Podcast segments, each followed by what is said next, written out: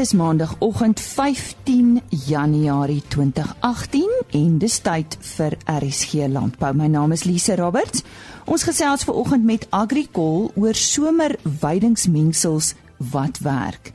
Dan het ons medewerker in die Oos-Kaap, Karen Venter, by die 86ste IWTO geleentheid gaan inloer. Nou IWTO staan vir International Wool Trade Organization. Sy daar met 'n paar boere en ook 'n besoeker van Noorwe gesels. En die Nasionale Wolkwekersvereniging praat ver oggend oor wolklassering.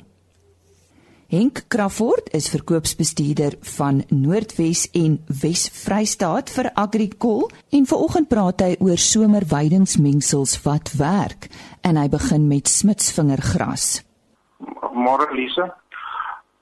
Ja, die om hier te begin, die smitsvingergras is 'n baie bekende meerjarige somergras spesies wat in die boek gids tot grasse van Suider-Afrika aangedui word as een van die grasse wat die wydste oor die Suid-Afrikaanse uh, gebied voorkom. Dit is 'n bekende gras tussen boere wat baie suksesvolle aanplantings in die somerreënvalstreeks reeds van krag getuig. Is dit maklik om hierdie gras te vestig? Ehm um, smitsvinger spesifiek is nie so maklik om te vestig nie.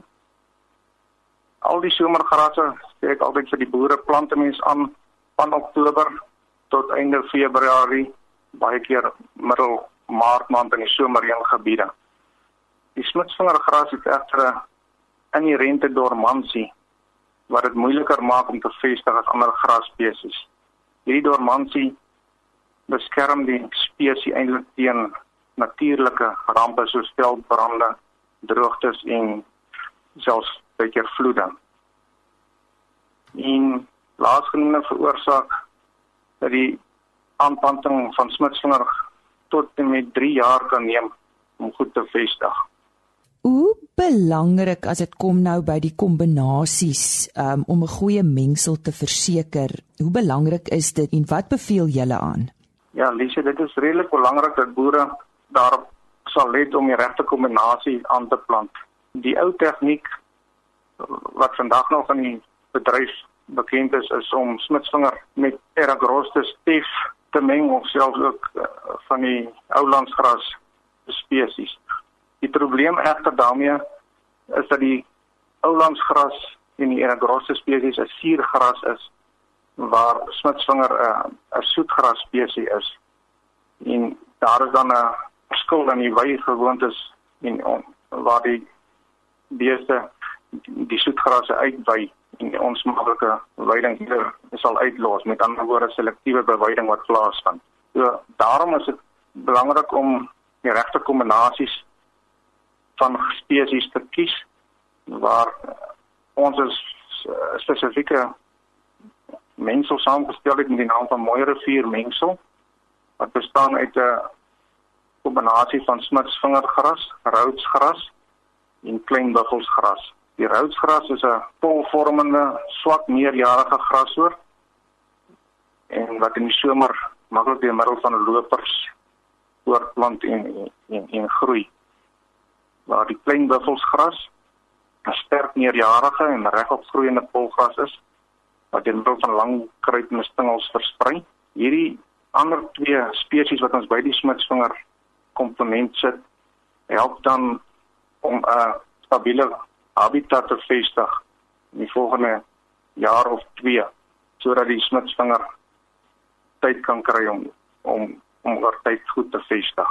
Enk, maar wat is die voordele van hierdie mengsel? Dis die voordele van hierdie mengsel is baie keer. Ja, kan ek ook sê dat in die natuur kom daar nie een grasspesies alleen voor nie. Uh, 'n Mengsel is gewoonlik daar om die wydtydperk te probeer verleng om verskillende spesies in in te sluit. Hierdie voordeel kan 'n mens ook opsom en sê die eerste voordeel is dan die mengsel vinniger vinniger vestig en dat daar genoeg sameweiding in die eerste seisoen is nadat die uh, mengsel gevestig is. Al drie spesies in die mengsel is smaaklik meerjarige grasse en goeie verteerbaarheidseienskappe besit wat beide as hooi en staande hooi benut kan word. Die spesies komplementeer mekaar goed. Aangesien roods en kleinwilgosgras reeds uh, vanaf planting vinnig en sterk vestig, soos ek reeds net nog gesê het. Die drie spesies is ook geskik vir die meeste grondtipes en groei goed in gebiede met 'n reënval van 500 mm en en, en hoër.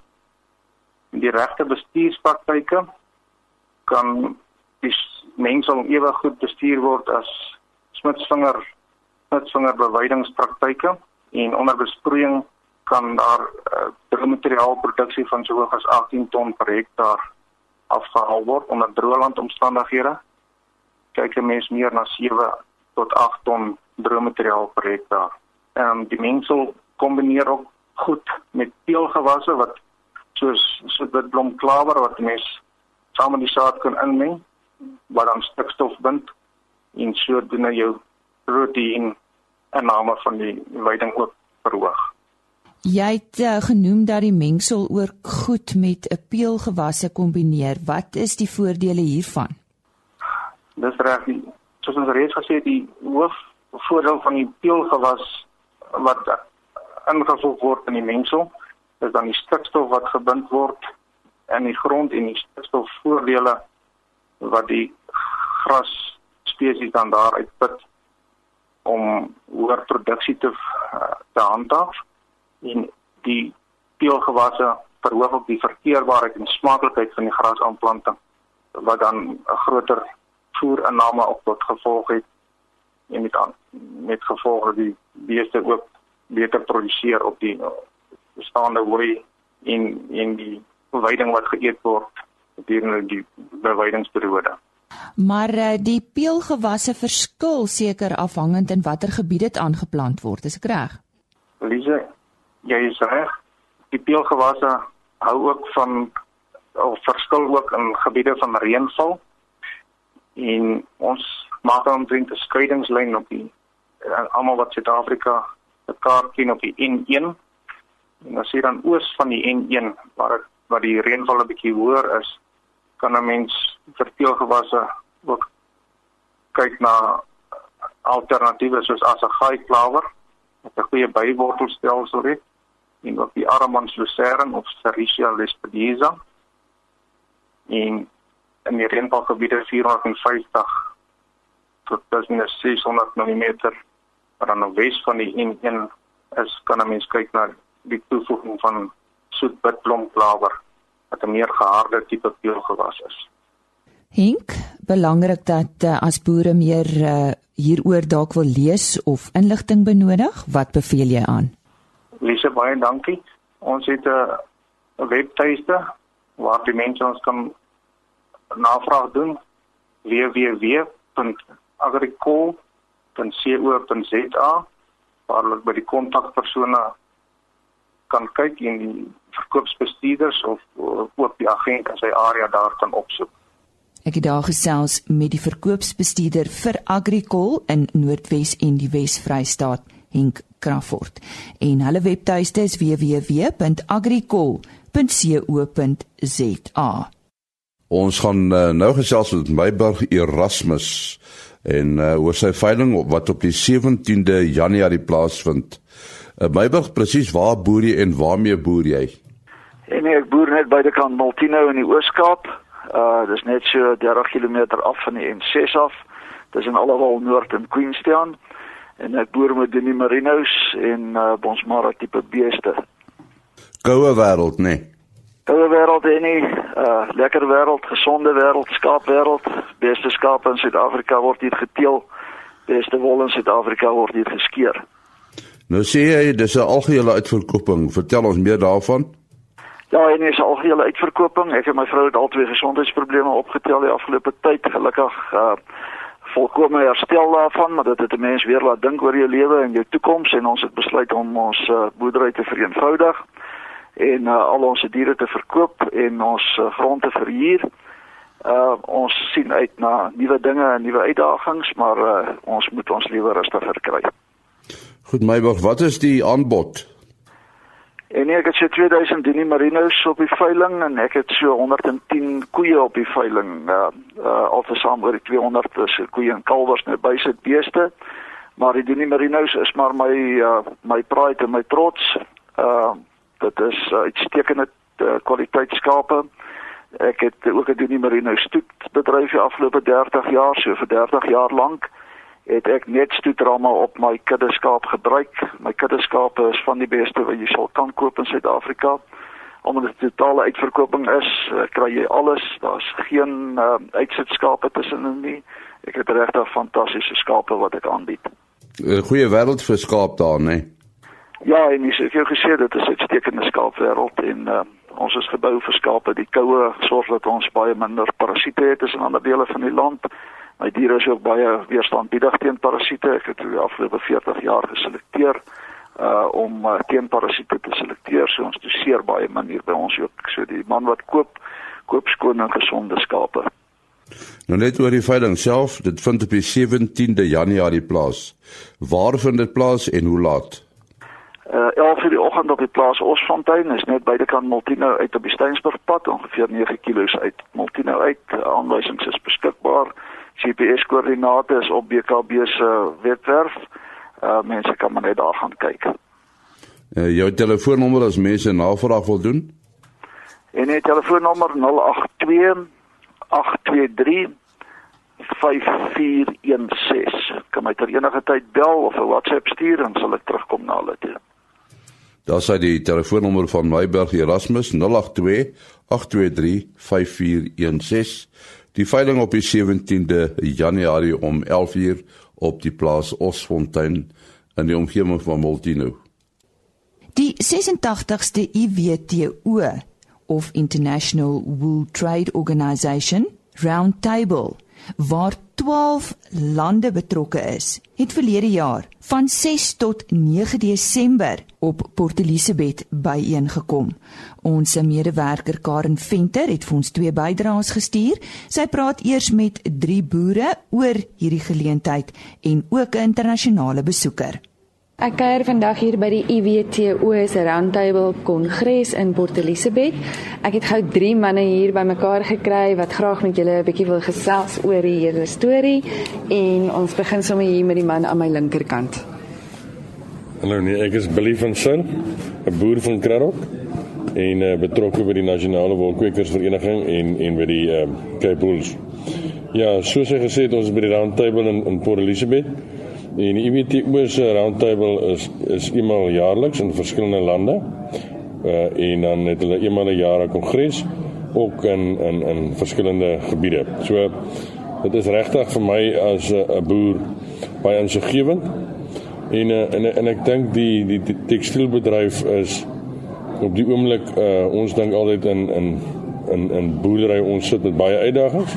Maar die gevoel wat ek hier kry, dink ek die tekstielbedryf daar buitekant sit selfs met baie meer uitdagings as wat ons eintlik kan dink. So dit is regtig vir my kant af baie interessant. Hallo, ek is Neil de Pre, ek boer in Humansdorp te Strik. Um, ek is ook betrokke by die NWKV. Um, ek is hier as 'n boer en dit is vir my baie interessant om te sien waarmee die ouens te doen kry en hoe baie teenkanting daar eintlik teen die wolbedryf is en hoe ou die hele tyd aan die voorpunt moet wees om op hoogte van al hierdie goed te bly en hoe baie teenkanting daar in die wêreld eintlik is teen teen wol. Ek is Dink Strydom, ehm uh, wolprodusent en boer van Baaklie Oos. Ehm um, ek verteenwoordig Oos-Kaapse wolkwekers ehm um, hier by die roundtable van die IWTO. Ehm um, die belangrikheid daarvan dat ons as boere hier is is om in voeling te bly met wolkopers, vervaardigers ehm um, en en verbruikers. Uh, op hierdie manier kan ons uh, agterkom wat is vir hulle belangrik in in uh, wat wil hulle hê van van die produsent en ons aan die ander kant is hier om vir hulle te vertel van die wonderlike vesel van wol wat die eintlik die enigste natuurlike vesel is wat in groot mate geproduseer kan word en uh lae impak op die natuur het en en uh sustainability uh is 'n groot kwessie in die wêreld en en juis hierdie kwessie is is een van die goed wat wol op die voorvoet sit. Wat vir ons by hierdie uh randtable nogal insiggewend is is dat daar 'n klomp Suid-Afrikaanse boere in betrokke is. En en regtig uh ons het nou vanoggend 'n sessie gehad en twee van die sessies word gelei deur Suid-Afrikaanse se boere Jeff Kingwell in 'n naam by een.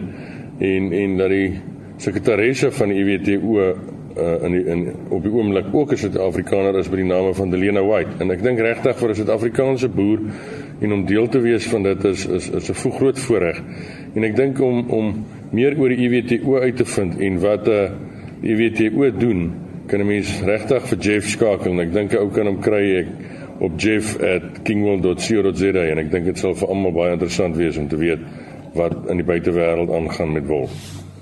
Ek gesels met iemand wat alipad van Noorwe afkom. Haar naam is Marion Twil Twiland. Twiland, ja. Twiland. En sy wil so 'n bietjie gesels oor hoe haar ervaring sover hier is en hoe het sy as 'n vrou ook betrokke geraak by die wolbedryf. I'm sorry that I cannot speak Afrikaans, so I have to take this in English. Um, as you said, my name is Marion and I'm from Norway. Uh, and I'm representing a company named Norilia.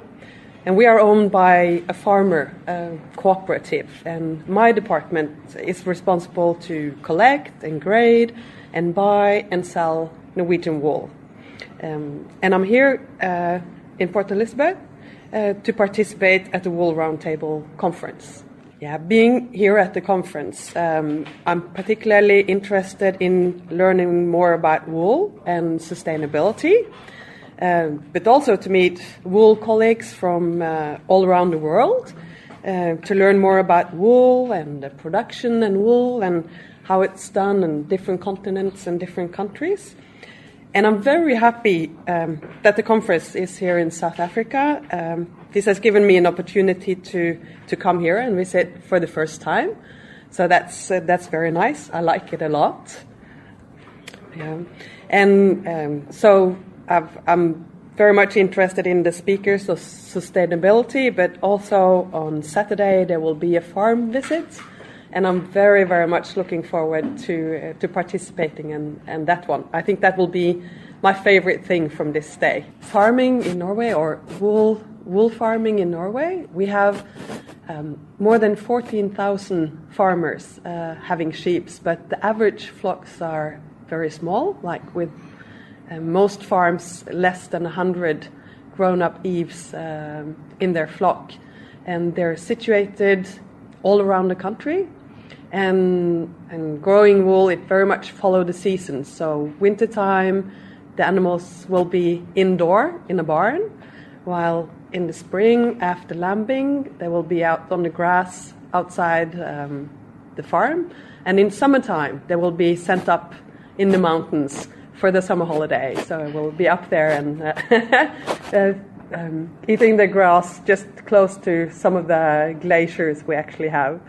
Each year, we have about in Norway a little more than 4,000 tons of, um, of wool.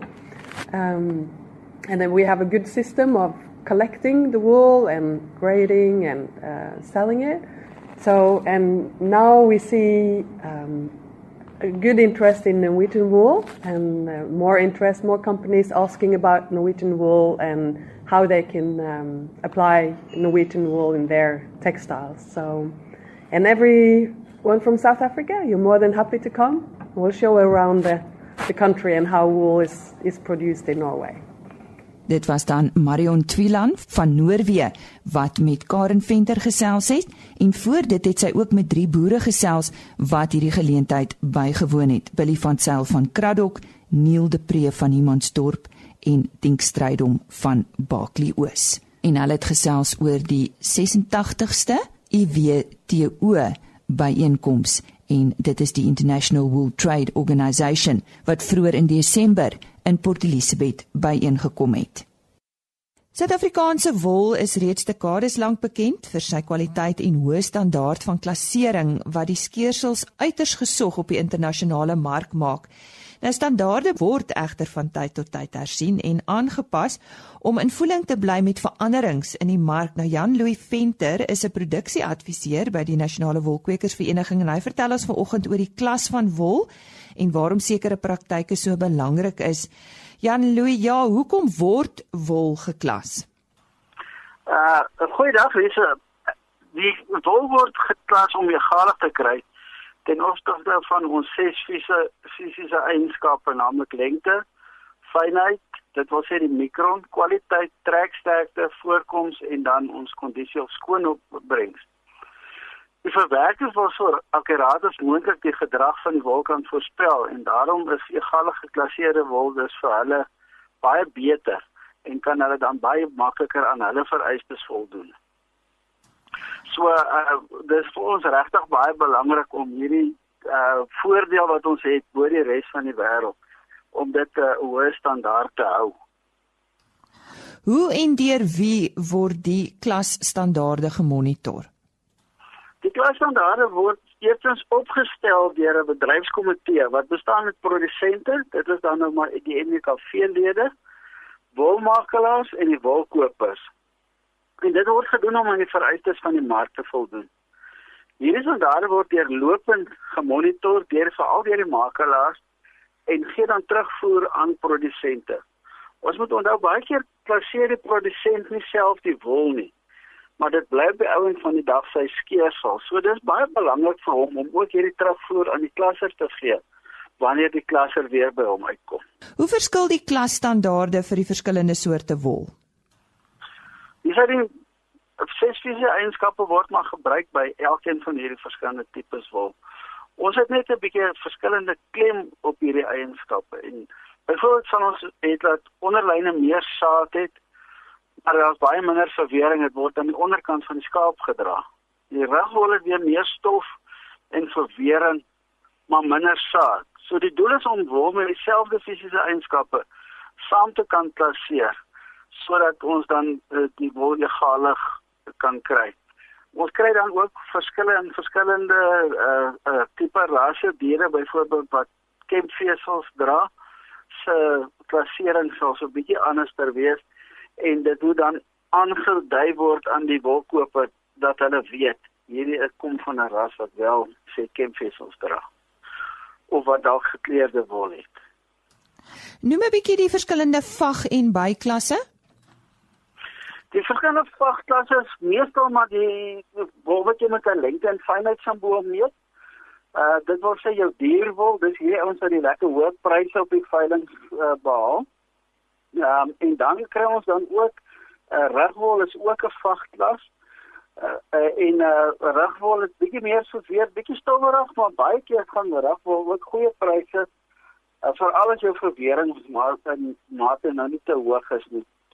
Ehm uh, en dan kry ons wat ons noem die vagstukke lyn. Dit is dan hierdie wolwetjie afrand veral hier om die nek wat baie saad aan het, die broeke van die skaap wat redelik hoeveel saad het. En dit word net met 'n lengte van wol gemerk en dan apart gehou dat ons nie hierdie hoë mate van saadbesmetting in ons vagwol sal hê nie. En dit is maar meestal die vag dan en dan die byklasse wat ons het. Uh en dan daarna kry ons ook nou nog ons onderlyne en en en locks wil uh, wat wat van 'n baie laer gehalte is. Jan Louw, ons het onlangs met uh, julle voorsitter Gilou de Tooi gepraat oor wolbesoedeling en hoe ernstig dit is. Jy kan dalk net weer vinnig vir ons uh, die erns daarvan verduidelik en hoe julle uh voorstel dat dit vermy moet word. Ja, Lisa, ek dink wolbesoedeling is uh, een van die groot bedreigings vir ons bedryf. En dit is baie belangrik dat ons regtig klem daarop sal lê en seker maak dat ons uh, wol van 'n goeie gehalte aan ons wolkopers gee. Ehm um, die weer die ding is dat uh, as wol nou 'n kempveseltjie in dit dan is dit nou nie die einde van die wêreld nie, maar dit is 'n probleem in die opsig dat wolkoper het nie daarvoor betaal nie. Hy wil dit nie hê nie. Uh, maar goed soos uh, polypropyleen vir al die baaltou gee vir ons 'n baie baie groot probleem. Want dit wys eers in die laaste stadium van verwerking. En dan moet hulle fisies daai stuk lap vat en dan met hom uitsny. En uh deesdae is ons wol redelik naspeurbaar en hulle sal weet van wie af dit kom en dan word dan maar kruisie agter jou naam getrek. So dis vir ons baie baie belangrik dat dat ons daarna gaan kyk. Dan ook uh, swart daar en dan die voorkoms van kemp raak al hoe meer en meer in ons skeersel en uh ek wil tog 'n beroep doen op die produsente dat hulle nie onnodige of uh, kruisdeling sal doen of uh, onverantwoordelike kruisdeling sal doen. En as hulle dan kruisdeling doen, dan moet hulle daai wol van daai oeye wat uit die kruisdeelprogram is apart as 'n aparte skeersel bemark. Anders dan gaan hulle regtig baie geld verloor. Kom ons gesels so 'n bietjie oor oor die vag. Nou as ons die optel en gooi van die vag uh, na dit kyk, lyk dit vir ons soos 'n kuns op sy eie. Hoekom is dit so belangrik dat dit reg gedoen word? Dit is baie belangrik want dit maak dat die wolklasser baie makliker die verskillende dele kan sien. Hy kan baie vinniger werk. Uh, hy hoef nie te soek en te krap en te wonder watter deel is watter deel nie so dit gee vir hom dan uh maak hom meer produktief hy kan baie vinniger deur sy proses gaan. Uh ja om vag te gooi is 'n kuns maar dit is gelukkig 'n kuns wat 'n mens kan aanleer en as jy so paar dae lank wol gegooi het jou arm lekker seer is dan begin jy dit oordentlik te doen. Brei bietjie vir ons uit hoe die afronding van vagte en die verwydering van rigte moet geskied. OK by die afrond van vagte is dit altyd belangrik dat ons ons vaghol soveel as moontlik maak. Dit wil sê ons haal net af wat nie pas by die vag nie. Byvoorbeeld as daar 'n bolletjie is wat uh, penshol voorkom het of as daar so 'n bietjie uh, meer uh, wat nie net so goed is van hierdie deur die die uh, klits in daai goed is in die wol is, dan haal ons dit uit dat sodat ons ons vagte mooi skoon kan kry. En dan ook dieselfde by die verwydering van die rugwol ons haal net die dele uit wat stowig en verweer is. Moenie jou vagte aanrand nie, moet net afrand want ons wil soveel as moontlik van hierdie goed geproduseerde baie mooi dierwol aan die uh, produsent van die kopers beskikbaar stel. Oor watter eienskappe beskik 'n goeie klasser? 'n Goeie klasser moet hardwerkend wees, intelligent, toegewyd aan sy werk Hulle moet ook beheer uitoefen oor die hele klasseringsproses en deurlopend met die skeerders se voorman kommunikeer indien nodig. Uh want baie keer sê byvoorbeeld as van die skeerders skape raak gekeer of as 'n uh, baie groot wisseling in lengte is, dit wil sê ou wat nie oor die galig op die sel skeer nie, dan moet die klasser dit weer terugkommunikeer na die skeerders. So uh 'n goeie klasser is uh, is iemand wat regtig kan beheer is van hierdie hele oesproses. En as iemand nou belangstel om so iets te word, uh, wat kan 'n mens doen om 'n 'n 'n goeie wolklasser te word? Goeie wol om 'n goeie wolklasser te word, eers dan gaan doen maar jou kursus. Grootfontein Landbou College bied gewoonlik in Junie vakansie bied hulle kursus aan, 'n week kursus. Ehm um, as uh, jy dan die kursus klaar gedoen het, is dit so belangrik dat jy so veel as moontlik ondervinding kry. Ehm um, in die, in 'n skeersel gaan klasseer of 'n hele paar skeersels gaan klasseer. En sodra jy dan genoegsame ondervinding het en jy regtig nou begin om 'n goeie klasser te wees, dan kan jy altyd weer teruggaan vir die kursus. As jy die kursus dan slaag, dan uh ken ons dan die hoogklassers diploma aan jou toe. Uh ons noem dit ook die springbok kop. Uh en dis 'n baie gesogte kwalifikasie in die wolklassering. Dit was aan die stem van Jan Louis Venter. Hy is produksieadviseur by die Nasionale Wolkwekers Vereniging. Onthou RSC Landbou is Maandag tot Donderdag om 05:30 en Vrydagoggende om kwart voor 5. En indien nie van die programme misgeloop het, besoek gerus www.rsg.co.za en soek net onder potgooi vir RSC Landbou.